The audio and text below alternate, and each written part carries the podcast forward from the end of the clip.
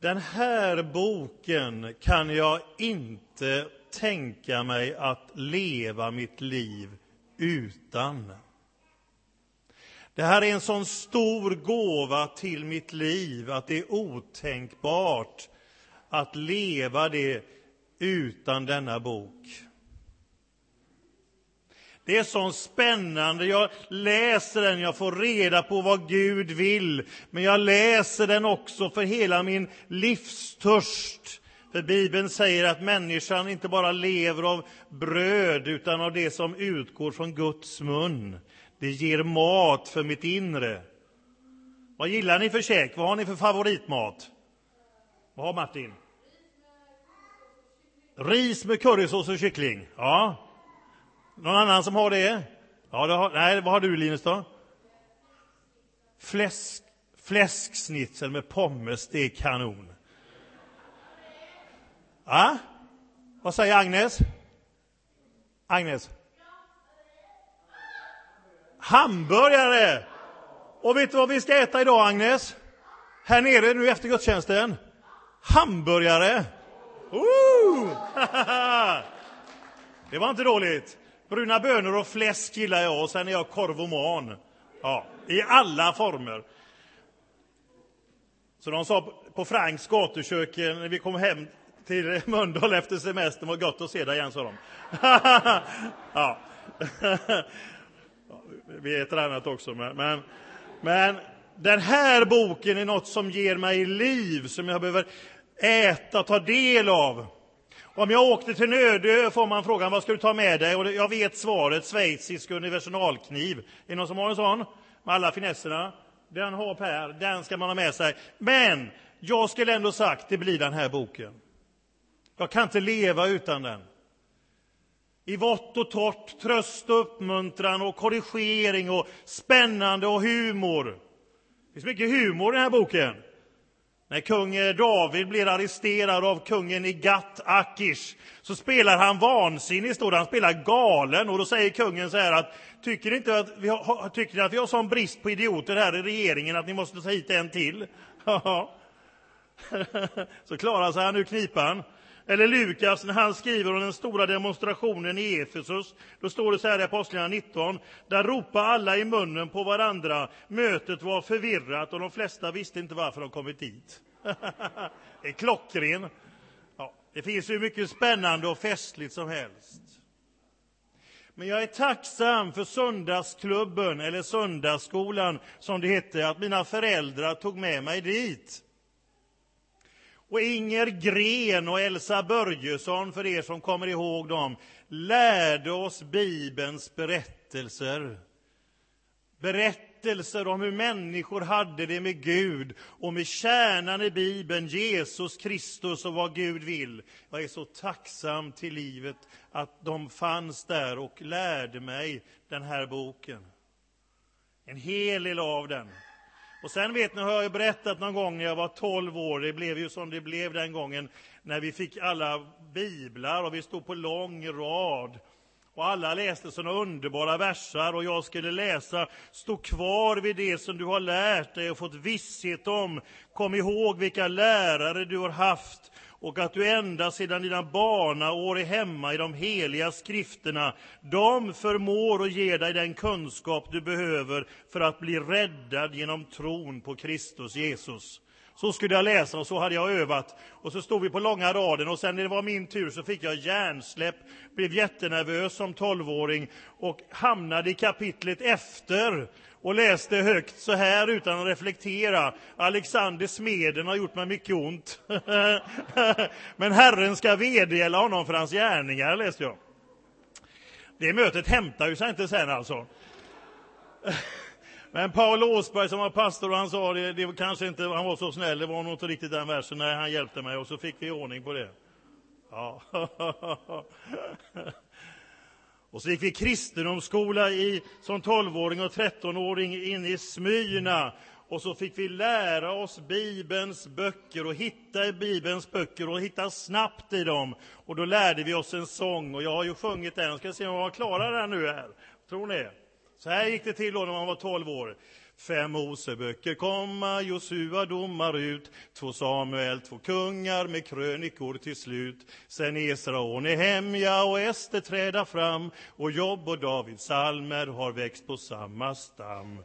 Sen har vi Ordspråksboken, predikar den väl, så följer Höga visan, Jesaja minns du väl. Jeremia klagovisor från tårarnas profet, Hesekiel och Daniel förtällt Guds härlighet het. Hosea, Joel, Amos och Badja listan högt och Jona, Mika, Nahum, du har väl genomsökt. Sen Habakuk och skrivit Sefania, i, så följer ju Sakarias och sistor Malaki.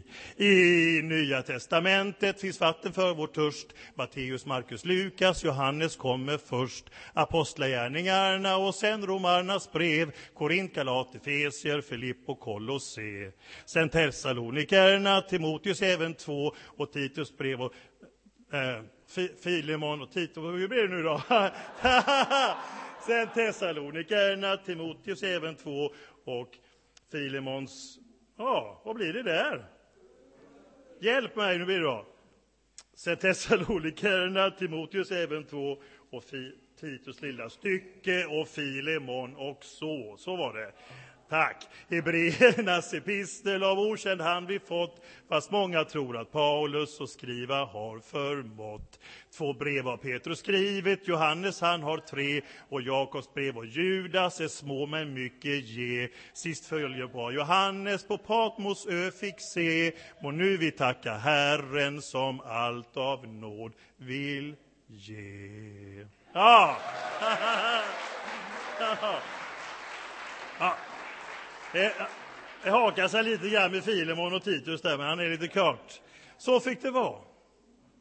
Sen när jag blev 19 år så bestämde jag mig för att det var kristen jag skulle vara av hela mitt hjärta. Och då gick jag in och köpte, som vi gjorde på den tiden, den största bibeln som fanns. Gick in i Smyrnas bokhandel och sa, största bibeln ni har.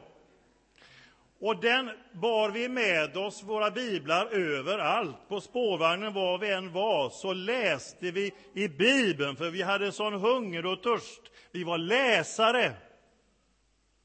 Och den hungern och törsten vill jag bevara i mitt liv. Att läsa skriften. Och det är raka puckar. Man kan tänka sig, jag vill läsa lite grann om Guds kärlek, lite vackert poetiskt, och så säger Jesus, Guds kärlek är att vara som den barmhärtige samarien. Och så läser jag bön, det kan låta lite sofistikerat, nu ber vi, hur är det? Ja, säger Jesus, här ska ni be. Låt att mina skulder bli förlåtna så som jag förlåter min medmänniska. Det är precis rakt, det är konkret. Ibland så säger man så här, det finns så mycket som är svårt att förstå i Bibeln. Eller är det någon som tycker att allting är enkelt? Nej, det finns saker som är svårt att förstå. Det är så kul också, tycker jag, att Petrus kommenterar Paulus och säger att ett och annat som Paulus skriver är svårt att förstå. Ja, det tyckte Petrus. Så kan det vara. Men jag känner att problematiken, det utmaningen, är ju det jag begriper allt för väl. Att omsätta i praktiken. När jag uppvaktade Annette och for i skytteltrafik till Linneahuset där hon jobbade så var det ingen idé att jag bara hade kollat hur vägen var till Linneahuset om jag skulle träffa Anette, eller hur? Jag fick ju ta mig dit. Det är ingen idé att bara läsa om den här vägen om jag inte går in på den och slår in på den. Vägen till Gud. Som förvandlar livet, som utrustar oss. Och så får vi se helheten i skriften. Summan av Guds ord är sanning. Helheten, inte bara lite här och där. Jag skriver inte under längre i Bibeln, det får ni gärna göra. Och i mina första biblar är det anteckningar överallt, understrykningar och allt. Jag slutade med det för att jag inte bara skulle fastna i mina favoritversar, utan se hela skriften. Och så är det praktiskt, det är spännande, det är uppmuntrande och ibland får man sig en snyting. Ja. Har ni varit inne i spegelhuset? Det finns väl kvar i Liseberg? Har ni varit där? Ja, man kan ju se ut på alla möjliga sätt. Men Bibeln säger faktiskt att den är en spegel, en riktig spegel där vi kan se våra liv. Och den kallas för frihetens lag. Jag ser att någonting behöver förändras, inte för att krångla till det och förkrympa livet och göra det jobbigt, utan för att befria oss. Jesus kom inte för att starta en ny religion, utan för att befria människan till ett sant mänskligt liv. Och det är praktiskt, det är spännande, det är svårt och utmanande. Men jag tänker ibland att teologi, läran om Gud, många gånger kan stavas te och logi. För det är praktiskt i efterföljelsen för Jesus. Att älska Gud är att också älska sin medmänniska, säger Johannes. Den som inte vill älska sin medmänniska kan inte heller älska Gud.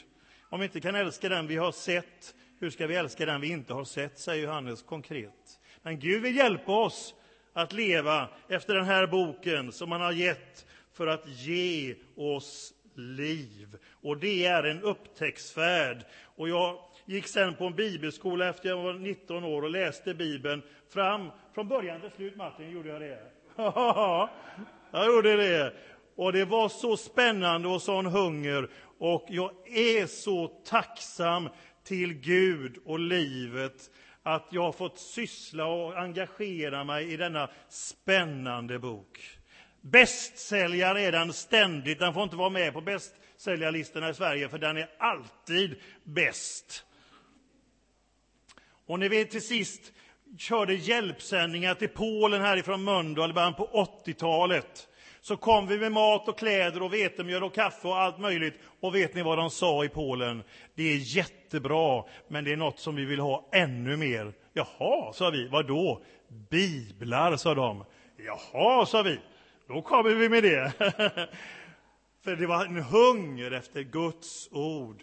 Människan ska inte bara leva av bröd, utan av ord som utgår från Guds mun. Amen.